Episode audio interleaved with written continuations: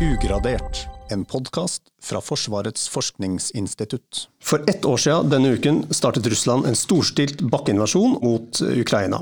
Jeg heter Espen Hofoss, og i studio så har jeg fått inn to FFI-forskere som har jobbet med Russland og Ukraina i flere tiår. Tor Bukkvold og Christian Aatland, velkommen til dere. Takk. Tusen takk. Vi skal forsøke å eh, oppsummere krigen så langt, og, snakke litt om hva som er mulig utviklingstrekk framover. Eh, men aller først så tenkte jeg vi må snakke litt om situasjonen, og hvordan det er der borte nå, eh, etter et år med, med krig. Det var på forhånd mye snakk om vinteren, hvordan det ville slå ut. Altså, hvordan er denne vinterkrigen blitt, sammenligna med det dere forventa? Er det noe som er overraska? Altså Utviklingen i de siste ukene og månedene har i grunnen vært i tråd med det vi forventa. Eh, vi hadde forutsett at eh, krigen skulle bli litt mer statisk i, i vintermånedene. Eh, etter denne ukrainske motoffensiven som var i fjor høst, som egentlig var ganske spektakulær. De tok jo tilbake hele Kharkiv fylke oppe i nordøst i september. Og så gjenerobra de ca. 30% av Kherson fylke i sør, inkludert byen eh, Kherson den 11.11. Etter det så har på en måte den ukrainske motoffensiven eh, kulminert. Eh, nå er jo Russland i gang med sin offensiv. Det har jo vært litt usikkerhet om hvem som skulle starte offensiven først. Begge parter har jo posisjonert seg for en, for en motoffensiv. Nå vet vi svaret på det spørsmålet. Det er Russland som har starta først, med en offensiv eh, i Donbas-regionen eh, fra nord til sør. Eh, langs fire-fem akser. Ganske harde kamper. Høye tapstall, særlig på russisk side. Det gjelder særlig disse kampene som har pågått rundt denne byen Bakhmut, som vi har snakka mye om, som ligger åtte-ni mil nord for Donetsk. Og en annen by litt sør i Donetsk fylke, som heter Voledar. Eh, Russland har tatt litt terreng, men de har liksom ikke klart å bryte helt gjennom de ukrainske uh, forsvarslinjene. Også, altså, hvordan er det den, disse kampene foregår? Er det, snakker vi som gammeldags skyttergravskrig? Med i 2023? Ja, det er jo veldig mye bruk av artilleri. Da, og mye, Mange av tapene skyldes nettopp uh, bruk av artilleri. Nå driver jo også Russland samtidig og angriper eh, særlig sivil infrastruktur andre steder i landet, i storbyer. Energiinfrastruktur osv. Det har de gjort i, i stor grad eh, helt siden seint på, på, høsten eh, i fjor. Så det er egentlig to variabler her. Det ene er hvem som eh, vinner eller taper territorium. Det er en variabel. Men en annen variabel er jo hvem som eh, mister flest soldater og mest materiell.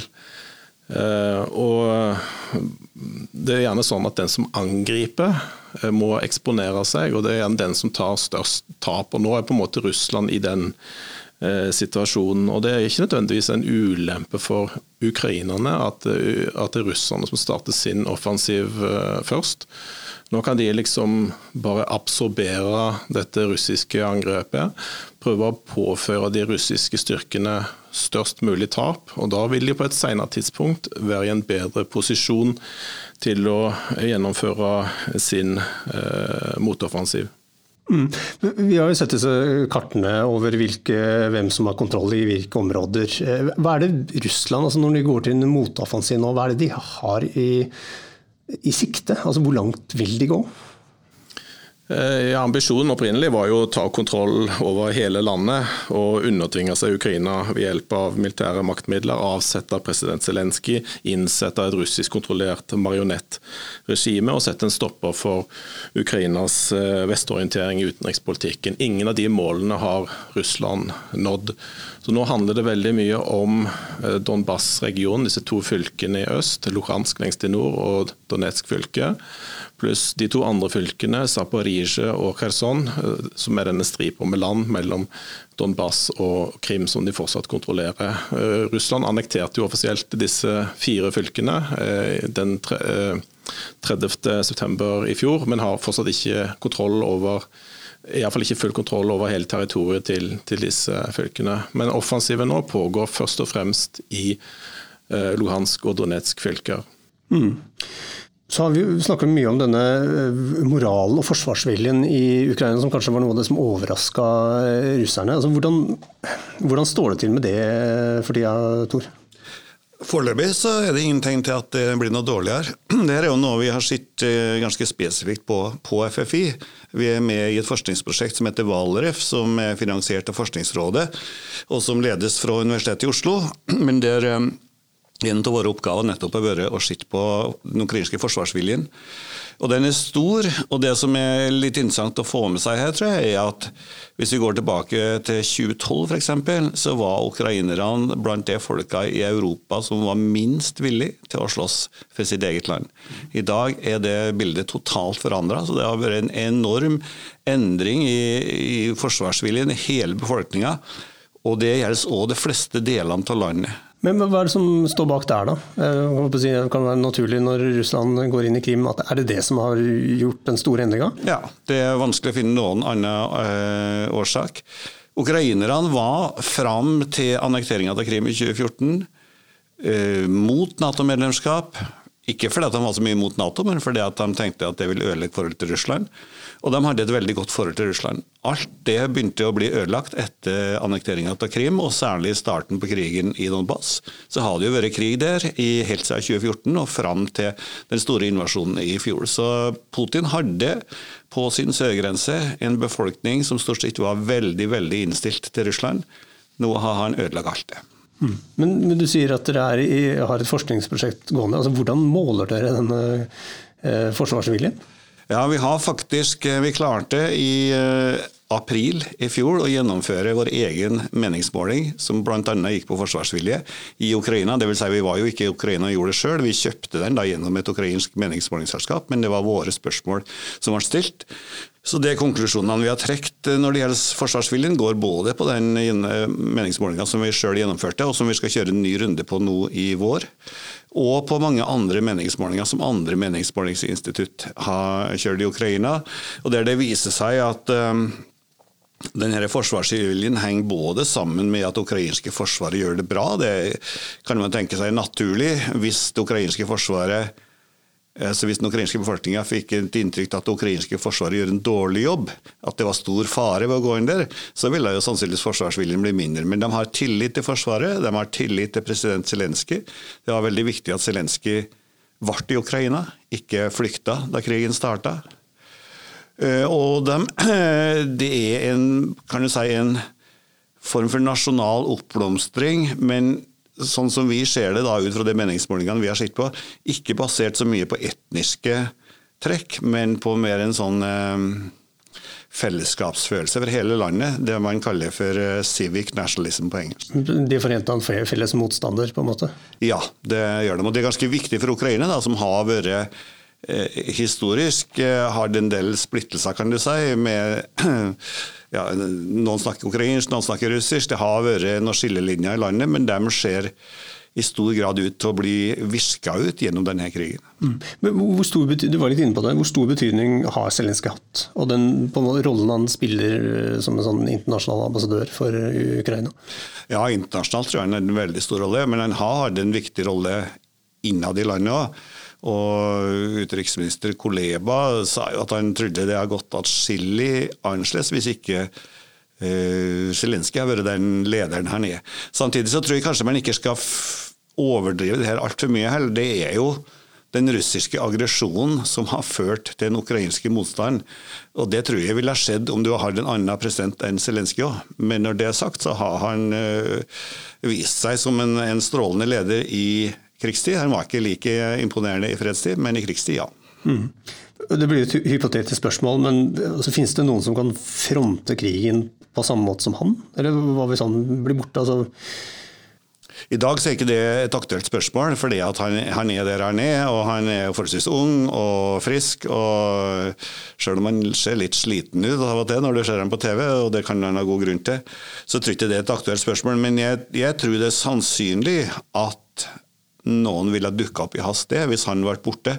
Men det er klart han har en litt sånn unik historie gjennom at han er en skuespiller. Han, det her med å snakke til folk, det er det han har levd av før. Så det, det, kom nok godt med når han kom i den rollen som han kom i nå. Mm. Men For å oppsummere da etter ett år, hva er det som er Russlands styrker og svakheter nå? Eh, det mest slående når du ser på et eh, kart, er tydeligvis det at Russland er et mye større land enn Ukraina. Det er jo selvfølgelig til Russlands eh, fordel. Russland er 28 ganger så stort som, som Ukraina. Russland har en tre, tre og en halv ganger så mange innbyggere som, som Ukraina. Så det kan du si er en styrke for Russland at de har flere soldater å ta av. De har flere reservister de kan mobilisere og sette inn i denne krigen. Eh, Russland var ganske seint ute med å iverksette en mobilisering. Det gjorde de først et halvt år inn i krigen, til forskjell fra Ukraina, som gjorde det allerede på krigens første dag, da Zelenskyj innførte unntakstilstand og iverksatte en full mobilisering. Så har det vært forventa at det kan komme en andre bølge med mobilisering i år, som på sikt vil kunne påvirke situasjonen på, på slagmarken. Da snakker vi om en annen bølge med russisk mobilisering? Annen bølge med russisk mobilisering, ja. Eh, ellers er det jo sånn at krigen støttes jo av en betydelig del av Russlands egen befolkning. Dette er ikke noe som, Putin har gjort mot den russiske befolkningsvilje. Nå er det litt sånn variasjon mellom aldersgruppene. Eh, støtten til krigen er lavest i aldersgruppen 18 til 25 år, og høyest i aldersgruppen over 55 eh, år. Og hvem, hvem, er det som har gjort de undersøkelsene, eller hvorfor kommer de tallene? Det er dette Levada-senteret som har gjort disse undersøkelsene.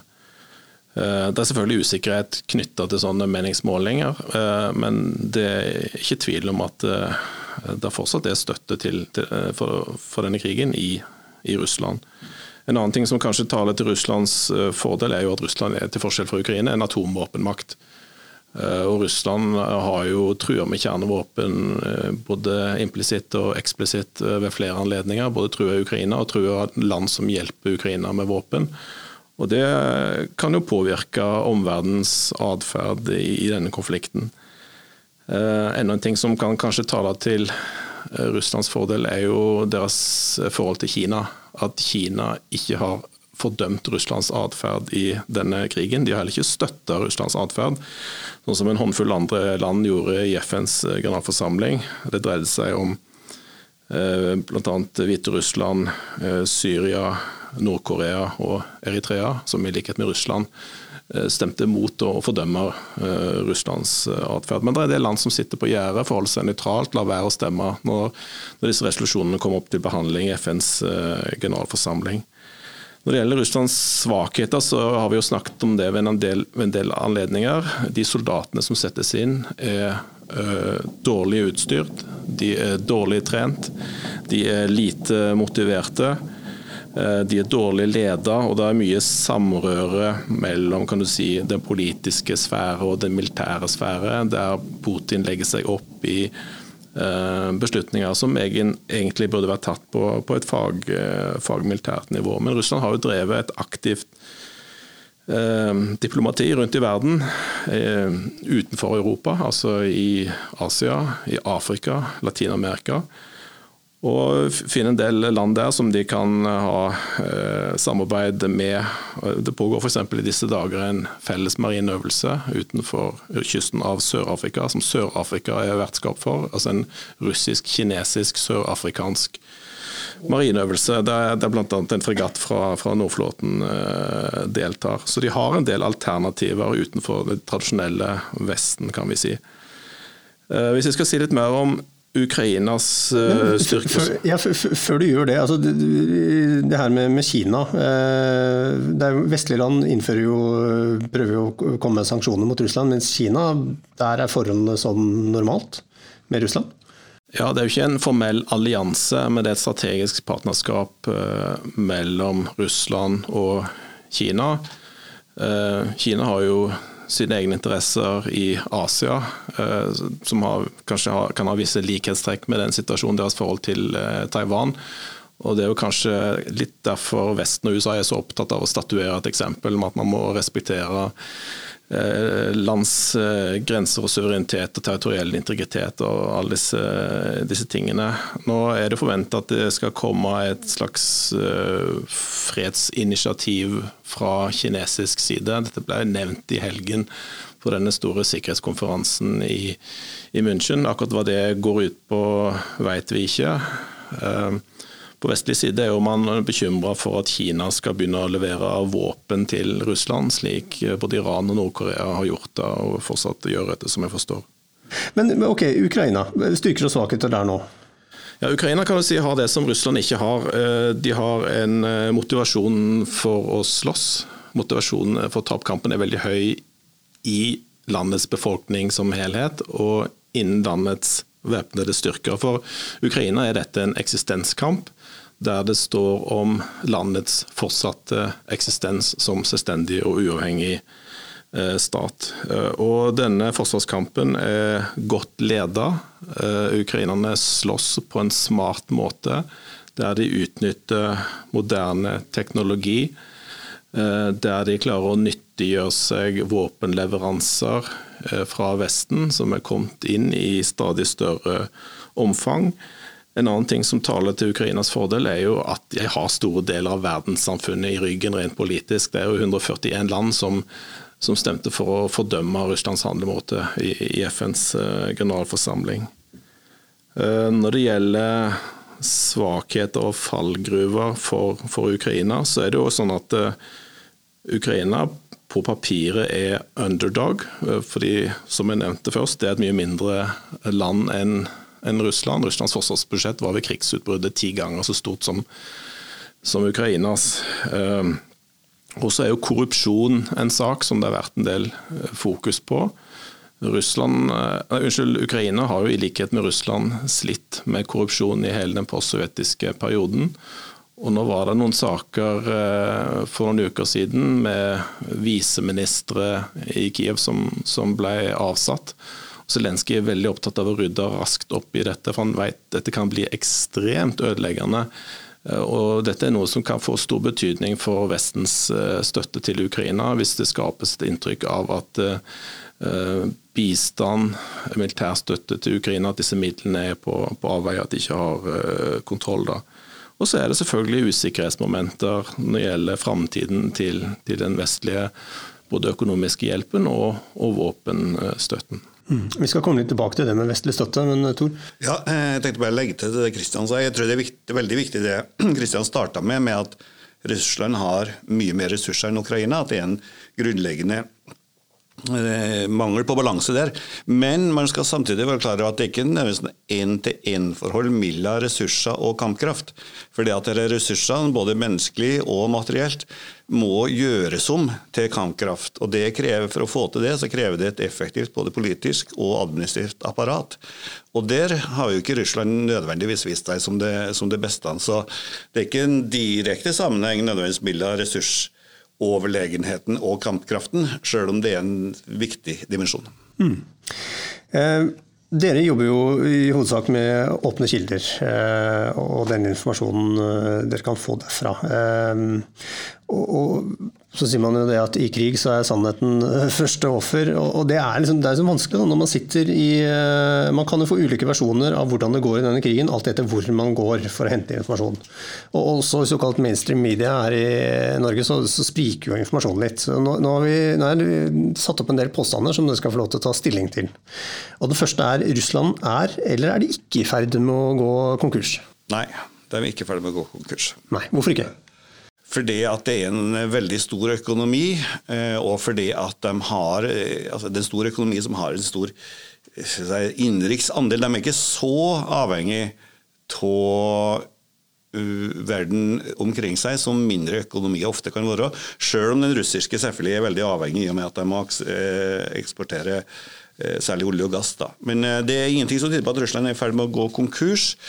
Eh, det er mitt inntrykk, og du har rett i at her spriker prognosene ganske mye, men mitt inntrykk etter å ha sett på prognoser fra begge sider, er at sanksjonene fører først og fremst, og krigen fører først og fremst til at Russland blir gradvis mer og mer økonomisk tilbakestående, men ikke bankerott. Der går ikke konk. Og Putin har jo en mulighet når det gjelder krigen til å flytte ressurser over fra den sivile delen av budsjettet over til den militære. Og Så lenge befolkninga ikke gjør opprør mot det, så ser det ut til at han har bra med penger til å føre krigen, dessverre, og en god stund til.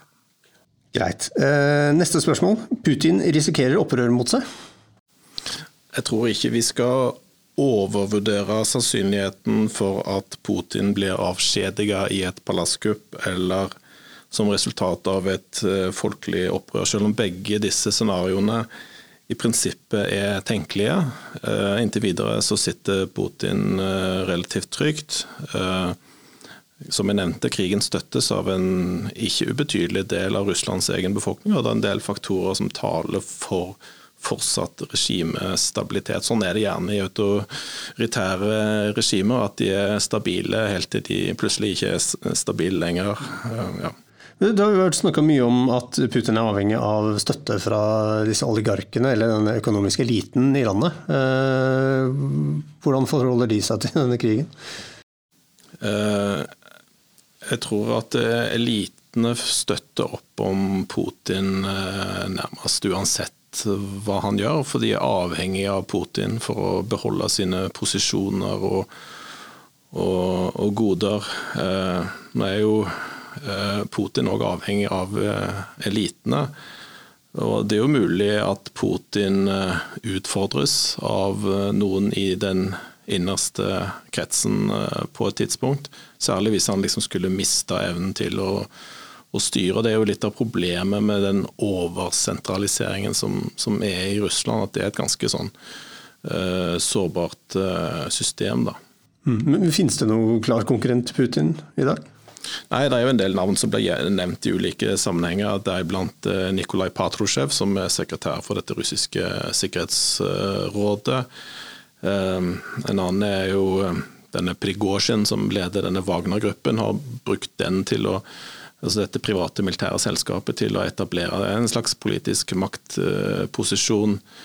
Uh, andre navn som nevnes, Ramzan Kadyrov, den tsjetsjenske lederen, uh, Medvedev, uh, Rogozin. Det er mange navn som sirkulerer, men akkurat nå er det jo ikke noe sånn umiddelbar etterfølger som står klar i kulissene. Og vi kan òg tenke oss en slags form for putinisme uten Putin. Altså at regimet, regimesystemet overlever, men uten uh, Putin. Da, av de grunnene som var inne på. altså at elitene trenger dette, har en egeninteresse i at systemet bevares som, som det er. Og eventuelle utfordrere gjør vel lurt i å ligge ganske lavt uansett? Ja, det er jo forbundet med stor risiko å være den første som, som stikker hodet fram. da. Mm. Så var det en ting jeg lurer på, også, Der ser vi jo veldig mange forskjellige tall. Hva er egentlig tall, antallet drepte og sårede på de to sidene? Kan vi si noe sikkert om det? Sikkert kan vi overhodet ikke si noe. Men vi kan si en del, det er en del beregninger, da, og det er det vi må forholde oss til.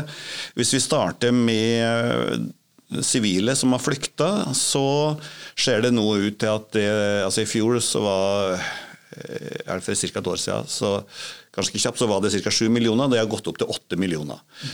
Eh, etter det tallet fra UNHCR. Eh, så det ser ut til at det har vært en, en noe økning i flyktningstrømmen ut til Ukraina. Og etter at Russland starta med bombing til ukrainsk sivil infrastruktur. Og Sannsynligvis det var det en av årsakene til at Russland gjorde det. Jeg tror at en, Et motiv for Russland har vært å gjøre det så vanskelig å bo i Ukraina at uh, ukrainerne skulle flykte og lage, skape kaos i Vest-Europa. Så, så, Du kan se at du hadde en sånn effekt, men mye mindre sannsynligvis enn det Kreml hadde håpa på. I tillegg så er det en 5,5 million eh, internt fordrevne, så da er vi oppe i en 13,5 million som ikke bor i sitt hjem da, pga. den krigen. Når det gjelder eh, falne, så opererer ganske mange nå på russisk side med Eller ikke falne, men det er både falne og såra, da, så opererer ganske mange med et tall på ca. 200 000. Som er veldig høyt. Man kommer på at Sovjetunionen mista 15 000 i Afghanistan på ni år med krig. USA tror jeg mista rundt 50 000 i Vietnamkrigen. Eh, hvis man regner med at Milla la en fjerdedel og en tredjedel av de 200 000 er drepte, så er det et ganske høyt tall. Eh, Dette er ikke tall som er tatt helt ut av lufta. Eh, F.eks. noe som heter Conflict Intelligence Team, som er en slags sånn russisk avlegger av Bellingcat, som driver med ja, forskjellige typer analyser basert på, på åpen informasjon. De uh, har laga et slags sånn regnestykke der de starter rett og slett med å lese nekrologene til drepte russiske soldater i russiske lokalaviser. Etterpå så går de på, uh, på kirkegården og ser hvor mange av de nye gravene som har fått en nekrolog. Så de, da, Ut fra det så beregna de at det var ca. 40-60% av dem som eh, hadde dødd, som hadde fått nekrolog. Så la de på et tall der, og så hadde de et sånn regnestykke med flere ledd utover. da. Og De kom da fram til at eh, antallet såra og drepte på russisk side ligger en plass mellom 130 000 og 270 000. og Hvis du tar det på midten, så er det 200 000. Så det, det er usikre tall, men, men, ikke tatt ut, helt ut av lufta. På ukrainsk side så vet vi mye mindre. Eh, Podoljak, en av rådgiverne til Zelenskyj, sa i desember i fjor at Ukraina har mista 13 000 soldater, altså drepte. Det høres ut som et veldig lite tall, så sannsynligvis er det atskillig mer. Men samtidig er det grunn til å tro at Russland håndterer mye større tap enn det Ukraina har gjort. Eh, mest fordi at Russland er angriperen, men òg fordi at de slåss på en måte som ofrer soldater i større grad enn det ukrainerne gjør. Mm. Vi skal uh, prøve å se litt uh, framover i tid, men før det så skal vi faktisk uh, åpne opp postboksen. For vi har fått inn en del lytterspørsmål. det første er fra Lili Tanvin. Som lurer på, som skriver Russland og Ukraina har vært en del av Kiev-riket. Altså, hva har det med krigen å gjøre?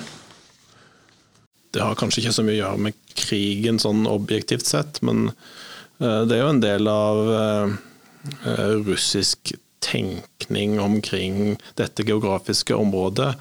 Dette Kiev-riket som ble Eller Kiev-Russ, som ble etablert på 800-tallet, og som eksisterte de hadde jo sin storhetstid på, på 1000-tallet, altså på, på, området til det som i dag både Ukraina, Belarus og deler av Russland. Så på en måte tre moderne stater som kan føre sine røtter tilbake til, til Kiev og dette geografiske området. Men Russland har på en måte forsøkt å eh, monopolisere den historien og si at dette er roten til dagens eh, Russland. Da. Og det er jo et av mange eksempler på litt sånn si, kreativ russisk eh, historieskrivning. da. Yes. Martin Garvik lurer på uh, det her med, med, leiesoldater. Det er jo mye snakk om uh, altså, er, det mange leiesoldater på ukrainsk side? Nok en gang så er det fryktelig usikre tall, men de som følger med spesielt på det her, uh, antar at det er en plass mellom 1000 og 3000. Så det er, ikke, det er ikke kjempemye. Det er nok til at det har en viss betydning, men, men det er ikke fryktelig mange. Uh, Amel Lobben lurer på det her med, med stridsvogndonasjoner til, til, ny motoffensiv. kommer det for seint? Og, og, hva hvis Russland starter en offensiv først? Hva da? Og nå har vel Russland for så vidt starta en offensiv. Hva, hva, tenker dere om det? Altså, det kommer jo hele tida materiell fra Vesten inn. Det er selvsagt en, en fare at uh, disse moderne vestlige stridsvognene kan komme litt uh, seint. Uh, og det, det, er riktig som du sier at Russland er allerede i gang med sin, uh, sin offensiv. Uh, nå er det ikke sånn at Ukraina ikke har egne stridsvogner. Uh, Ukraina har egne stridsvogner, og de har òg fått stridsvogner allerede. altså Postsovjetiske stridsvogner som de har fått av en del uh, naboland, som Polen og Tsjekkia, så, så vidt jeg vet. Og disse kan de jo bruke, og så vet de at det kommer mer liksom, om noen måneder. Og Vissheten om det gjør jo at de kan bruke eh, det de har, eh, også i offensive eh, operasjoner. Og så har vi snakka om denne russiske mobiliseringen. Russland, Amund fortsatt skriver at Russland mobiliserer og trener rundt 500 000 mann. Hvor mange har Ukraina under trening, eller har de noe sånn backup eller noe å gå på der? De har, de har absolutt det. Og det store forskjellen her, eh, eller En av de store forskjellene er jo at Ukraina mobiliserte på dag én. De, den mobiliseringsordren ble utskrevet samme dagen som Russland angrep. Mens Russland venta helt til september i fjor med å mobilisere. Så Russland er atskillig bak, i bakleksa der i forhold til Ukraina. Det ukrainerne sier sjøl, er at de har mobilisert ca. 700 000 til Forsvaret cirka, og ca. 90 000 til Nasjonalgarden, som er en egentlig en type innenriksstyrke som er lettere bevæpna enn Forsvaret, men som fremdeles brukes i kamper ganske mye på samme vis som Forsvaret gjør. Så nesten 800 000 da, kan du si, som er mobilisert. Det er sånn at vi vet mindre faktisk om det som skjer på ukrainsk side, enn det som skjer på russisk side. Hva kommer det? Ja, Det er fordi at ukrainerne sjøl ikke vil at noen skal vite om det, og fordi at det er så mye sympati og solidaritet med Ukraina rundt omkring i verden. at både ukrainske journalister og vestlige journalister som kun har funnet om dette, her, ikke gjør det for, nettopp for å hjelpe ukrainerne. Men Det betyr jo at, at det er mindre kunnskap om det. Eh, men det noen antar, da er at ukrainerne kanskje har en slags sånn todeling av sine styrker nå. De har en betydelig andel som står ved fronten og holder Russland unna, altså hindrer at Russland tar mer territorium. Og så bygger de opp i bakre linja helt nye avdelinger, gjerne med vestlige våpen, som skal brukes når Ukraina går over fra det mer passive som foregår nå, til å prøve å ta tilbake sitt territorium. Men hvor stor den reserven er, det, det er det veldig vanskelig å si noe om? Ja, det, det vet vi ikke. Greit. Eh, og Vi har snakka om eh, vestlig støtte. Hvordan hadde det her gått hvis ikke eh, Ukraina hadde fått altså etterforsyninger med både våpen og ja, Russland var faktisk ganske nære noe som kunne ligne på en seier i de første par ukene. Det var kanskje det tidspunktet da Russland var nærmest en seier. Det var nærmere en seier da enn det er i dag. Ok, For, for da var det mye rapporter om altså, kjøretøyer i kø og at det ikke gikk på skinner. Men, ja, men de sto jo ganske tett eh, på den ukrainske hovedstaden før, før dette angrepet ble slått tilbake. Eh, og de etter hvert måtte trekke seg ut av, eh, av Nord-Ukraina. Og Det var det ukrainerne som gjorde på egen hånd. Dette var i stor grad før ukrainerne fikk, eh, fikk vestlige våpen. Så he, av det hele det området som Russland tok etter den 24. februar 2022, så har Ukraina nå tatt tilbake 40-50 av det å presse russerne tilbake. Og Så kommer jo disse våpenleveransene eh, etter hvert. Eh, særlig med panservernvåpen og luftvern. Eh, og Begge disse to våpentypene viste seg veldig effektive mot, mot russiske styrker. Og så har jo ukrainerne mottatt eh, tyngre og tyngre våpen. og Nå er det som du vet, snakk om stridsvogner og kanskje kampfly på, på lengre sikt. Så, og Den våpenhjelpen har vært helt avgjørende. For Det har jo vært en kontinuerlig styrkeoppbygging på, på begge sider gjennom hele uh, dette året. Uh, og Særlig etter den russiske mobiliseringsordren som kom i, i september uh, i fjor. Så det er ingen tvil om at Eh, den vestlige våpenhjelpen har vært helt avgjørende for forløpet til, til denne konflikten. Mm, etter det første anslaget. Ja. Finnes det noen undersøkelser om, om oppslutningen eh, i Vesten til å gi fortsatt eh, støtte? Er, altså, er vi krigstrøtte, eller hvor lenge kommer folk til å bry seg om denne krigen? Ja, det, Oppslutningen er veldig stor.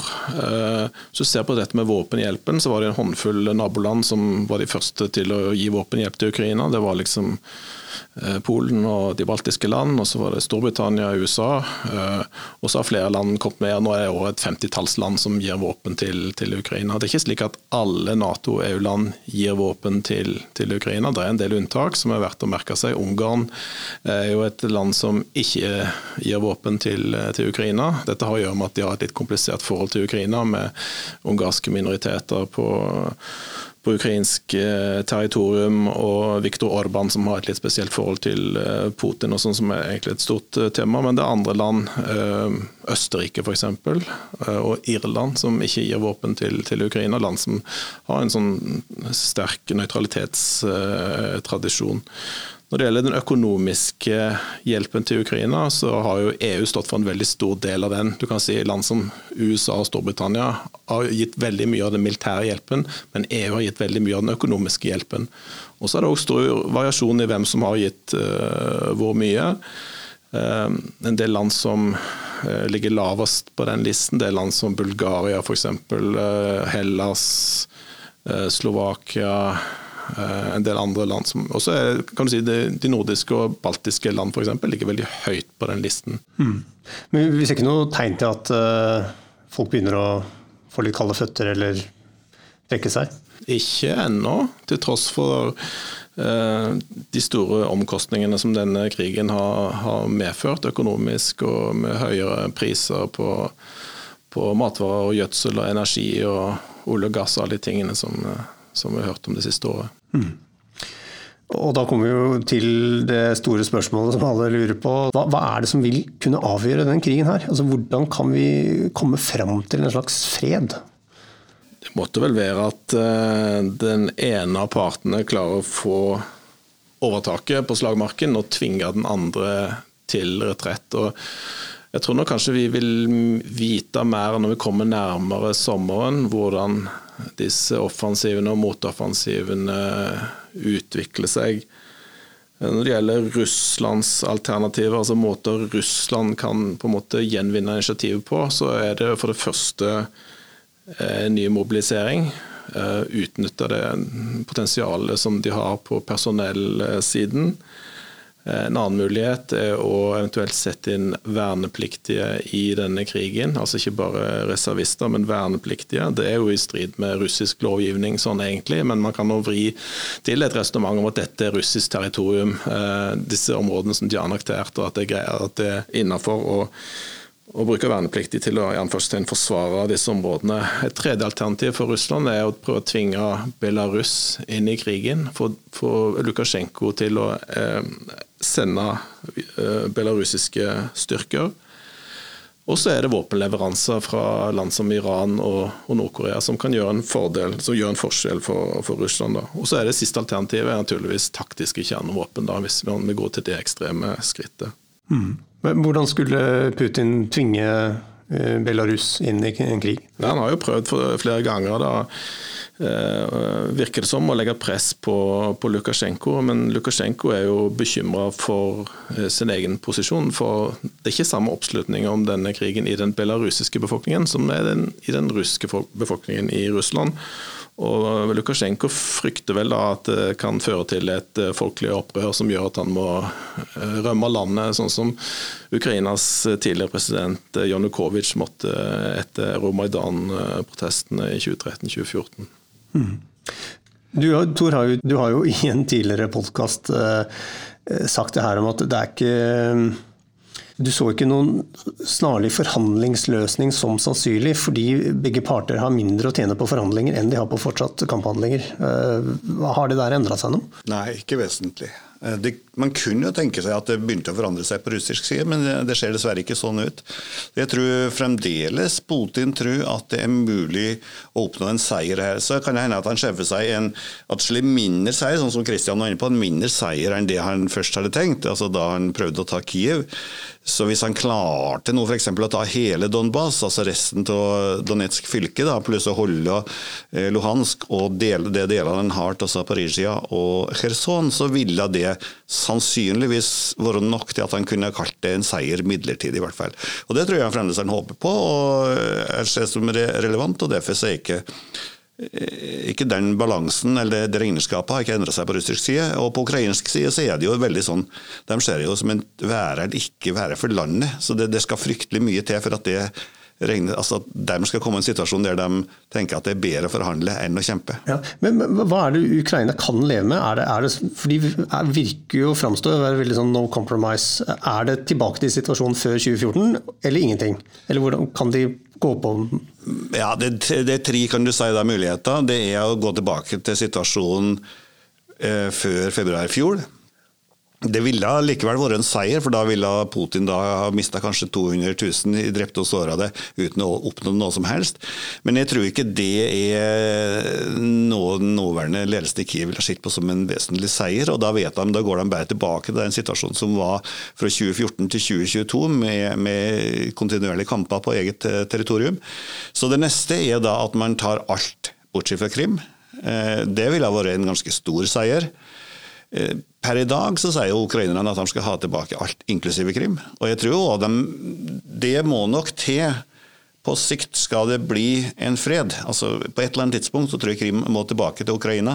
Men det, det kan, man kan jo tenke seg situasjoner der Ukraina har tatt tilbake alt territorium bortsett fra Krim. Og vurdere det. I hvert fall så har Zelenskyj tidligere sagt det at det kan hende at Krim må føres tilbake til Ukraina på et annet tidspunkt og på en annen måte enn resten av landet. Men det er en stund siden han sa det, så nå er det kanskje ikke sånn hardt, sånn som du sier. Nei, men er ikke, Det kan hende at de er offer for propaganda her, men er ikke befolkningssammensetninga på Krim en helt annen enn eh, andre steder i Ukraina? Ja, det har ikke så mye å si. Det, det er den. Det jeg tenker på opinion og motstand. Eh. Ja, jo, det er nok riktig. At, uh, altså det, vi, det, vet vi egentlig for så vidt ikke så mye om. Uh, fordi at det ble ikke gjennomført, Den folkeavstemninga som ble gjennomført, var jo med, under, mens man sto med våpen på hvert gatehjørne. Så det regnes ikke som en ordentlig folkeavstemning. Det er sannsynlig at folkeopinionen på, på Krim er betydelig mer prorussisk enn i resten av Ukraina. Men, og det vil gjøre det vanskeligere. Det er nok riktig. Men samtidig så så vet vi ikke sikkert hva befolkninga på Krim tenker til enhver tid. Og før, før aksjonen i 2014 så var det ikke noe flertall på Krim i de meningsmålingene man kjørte for uavhengighet. Men om det var fordi at de ikke ville ha uavhengighet, eller om det, altså bli en del av Russland, eller om fordi at de ikke trodde at det var mulig, det, det vet vi ikke. da. Er det sånn at partene snakker sammen på En ting er kamphandlinger, men er det sånn at partene snakker sammen på bakrommet? Og Hvordan foregår den dialogen der? Altså det var forhandlinger, eller iallfall uformelle samtaler i krigens første uker, altså i februar og mars 2022. Eh, Disse samtalene fant sted eh, i Belarus. Eh, det var òg samtaler i, i Tyrkia. Eh, og det var en viss kompromissvilje da. Eh, Ukraina var villig til å diskutere en eller annen form for nøytralitet som, som eh, et element i en fredsløsning, da, ledsaget av sikkerhet, vestlige sikkerhetsgarantier. Dette har man siden lagt bort, fordi de selvfølgelig har hatt medgang på, på slagmarken. Så det er sammenheng mellom det som skjer på slagmarken, og du kan si det politiske, det som går på forhandlinger. I slutten av mars så trakk jo russerne seg ut av eh, Nord-Ukraina, og vi fikk sett hva de hadde foretatt seg i de okkuperte områdene, disse forferdelige massakrene, inkludert i Butsja, som russerne trakk seg ut fra eh, den 31. mars. og det som ble avslørt da, når man fikk virkelig øynene opp for hva Russland hadde foretatt seg i de okkuperte områdene, og hva Russland fortsatt driver med i de okkuperte områdene. Dette har jo bidratt til å eh, svekke enhver ukrainsk vilje til å inngå kompromisser. En annen viktig faktor var jo den erklæringen som kom eh, den 30.9.2022 eh, om at Russland formelt annekterte disse fire ukrainske fylkene, eh, da sa egentlig ukrainerne da har vi egentlig ikke noe å forhandle om. Og det er jo ingen vilje i den ukrainske befolkningen til å avstå territorium som en del av en forhandlingsløsning. Og da er jo Zelenskyj i den situasjonen at han kan ikke si noe annet enn at, Russland, nei, unnskyld, at Ukraina må gjenvinne kontrollen over hele sitt territorium, inkludert disse fire fylkene og, eh, og Krim. Eh, selv om det kanskje for en del kan fremstå som litt urealistisk, iallfall på, på kort sikt. Mm. Du nevnte jo det i stad, dette her med et mulig kinesisk fredsinitiativ. Altså, finnes det noen diplomatiske bakkanaler her? Altså, hvem er det som skulle stå for en sånn uh, prosess? Nei, jeg kjenner ikke til at det har vært noen sånne kanaler. Altså Det eneste som har vært som har vært sånn delvis vellykka, er jo denne kornavtalen. Altså avtalen om korneksport via Svartehavet, som var en firepartsavtale mellom Russland og Ukraina og Tyrkia og FN. Som ble inngått i juli 2022, og som trådte i kraft det var vel i august 2022. Og siden den gangen så har det vært uh, skipa ut ikke bare korn, men òg uh, en del andre varer uh, fra ukrainske havner gjennom, de tyrkiske stredene. Så det har fungert sånn noenlunde, da, til tross for at to av disse partene i denne avtalen er i full krig. Altså det er mulig, Vi vet ikke så mye om det, men det er mulig at det foregår noe mer på bakrommet mellom USA og Russland, eller gjør mellom Ukraina og Russland. Eh, særlig tenker jeg i forhold til det her med bruk av atomvåpen, så vil jeg tro de har snakka en del sammen om det. Men uh, samtidig så er nok USA veldig forsiktig med å ikke forhandle på vegne til Ukraina. Og En annen ting som òg for så vidt fungerer, da er det med fangeutveksling. Så det, Der har man en del, en del avtaler, og det, og det, det skjer stadig vekk. Mm. Eh, hvis vi skal våge oss på å se litt eh, så langt fram i tid at eh, konflikten er, altså selve krigen er avslutta, hvordan Eh, hvordan vil et seirende Russland framstå i Europa? De vil framstå som eh, et forbilde for autoritære krefter, ikke bare i Europa, men i store deler av verden. Så Sånn sett så tror jeg Biden er inne på når han snakker om at det her er en krig ikke bare mellom to land, men mellom to system. For Vesten har investert så mye prestisje, penger, våpen og andre ting i den krigen her, at hvis Russland går seirende ut, så vil Vesten og demokratiet stå tilbake som svakt og som en taper. Så jeg tenker at mange, både sittende autoritære ledere, men òg andre politikere som kunne tenkt seg å bli en autoritær leder, vil eh, straks se til Russland hvis Russland ender opp som vinner. Og motsatt, da? Tapende, tapende Russland? Ja, da har vi en situasjon der eh, Ukraina i hvert fall har en mulighet til å framstå som et Eh, si, et vellykka demokrati. De er jo et demokrati allereie, men de er kanskje ikke så vellykka i og med at de er så korrupt. Men hvis du fikk eh, Russland tapte, Ukraina en, eh, fikk beholde sin uavhengighet innenfor anerkjente grenser og fikk utvikle seg til å bli noe som fungerer bedre enn det de gjør i dag, og bedre òg enn Russland, så ville det vært en seier for, for demokratiet som samfunnsmodell. Mm. Men hva kan, vi, hva kan vi vente oss fra Russland da, hvis de nå ender opp med en løsning som de ikke klarer å selge inn som en seier eh, på hjemmebane? Hva slags Russland kan vi forvente oss da i eh, Europa? Da blir det et eh, altså Hvis vi får et Russland som taper krigen, men beholder Putin-regimet, eller noe som ligner på Putin-regimet, så får vi et ganske sånn angstbitersk Russland. så Det hadde vi for så vidt før krigen, men enda mer. da, Som samtidig ikke har den konvensjonelle evnen til å, å på en måte tvinge gjennom sine meninger på det viset. Og som da sannsynligvis må stole enda mer på atomvåpen for å forsvare seg. Og muligens enda mer på det man kaller gråsoneoperasjoner, eller hybridoperasjoner, som vi har sett en god del av allerede. for å eh, på en måte bruke det man har av maktmidler uten at det fører til krig. Mm. Hva er det vi har størst grunn til å være redd for? Tapende Russland eller eh, seirende Russland? Jeg tror at det seirende Russland er det verste. Eh, det eneste argumentet for at et seirende Russland måtte være bedre, er at eh, det er tapende Russland så er det en fare for bruk av atomvåpen. Jeg tror ikke den er fryktelig stor, men den er der. Men eh, ellers er det ganske klart at det, jeg tror i hvert fall at mye står og faller på at Russland taper den krigen her. Mm. Vi får runda runde med et uh, lytterspørsmål fra uh, Muluba Valelu. Hvor lenge kommer denne krigen til å vare? Selvfølgelig umulig å svare på. Uh, jeg tror ikke at denne krigen er over i løpet av inneværende år. Jeg tror heller ikke at den kommer til å vare veldig mange år. Hvis du spør oss igjen eh, når vi kommer nærmere sommeren, eh, da tror jeg kanskje vi vil være i en posisjon til å gi et bedre svar, da vi ser om, om Russland får noe, noen effekt av eh, en eventuelt ny mobilisering, og mobiliseringen som allerede er gjennomført. om Russland, Ukraina klarer å nyttiggjøre seg våpenleveranser fra Vesten, særlig stridsvogner, på sikt og kanskje kampfly. Da tror jeg vi vil kanskje se et litt mer dynamisk bilde som kan peke ut en retning som, som dette vil gå i. da. Ja, nei, jeg tenker at uh, Hvis ikke Ukraina vinner, så får vi en veldig lang krig. Da vil ikke Ukraina vil heller sannsynligvis ikke tape, så enten får vi en situasjon der sånn som den er nå, som bare fortsetter år etter år etter år. Ellers så får du en russisk seier, som vi har så vidt vært inne på. Men da vil ikke ukrainerne gi seg. Da vil de sannsynligvis gå over fra å kjempe en regulær krig, sånn som vi gjør nå, til å kjempe en form for geriljakrig med basis i byene.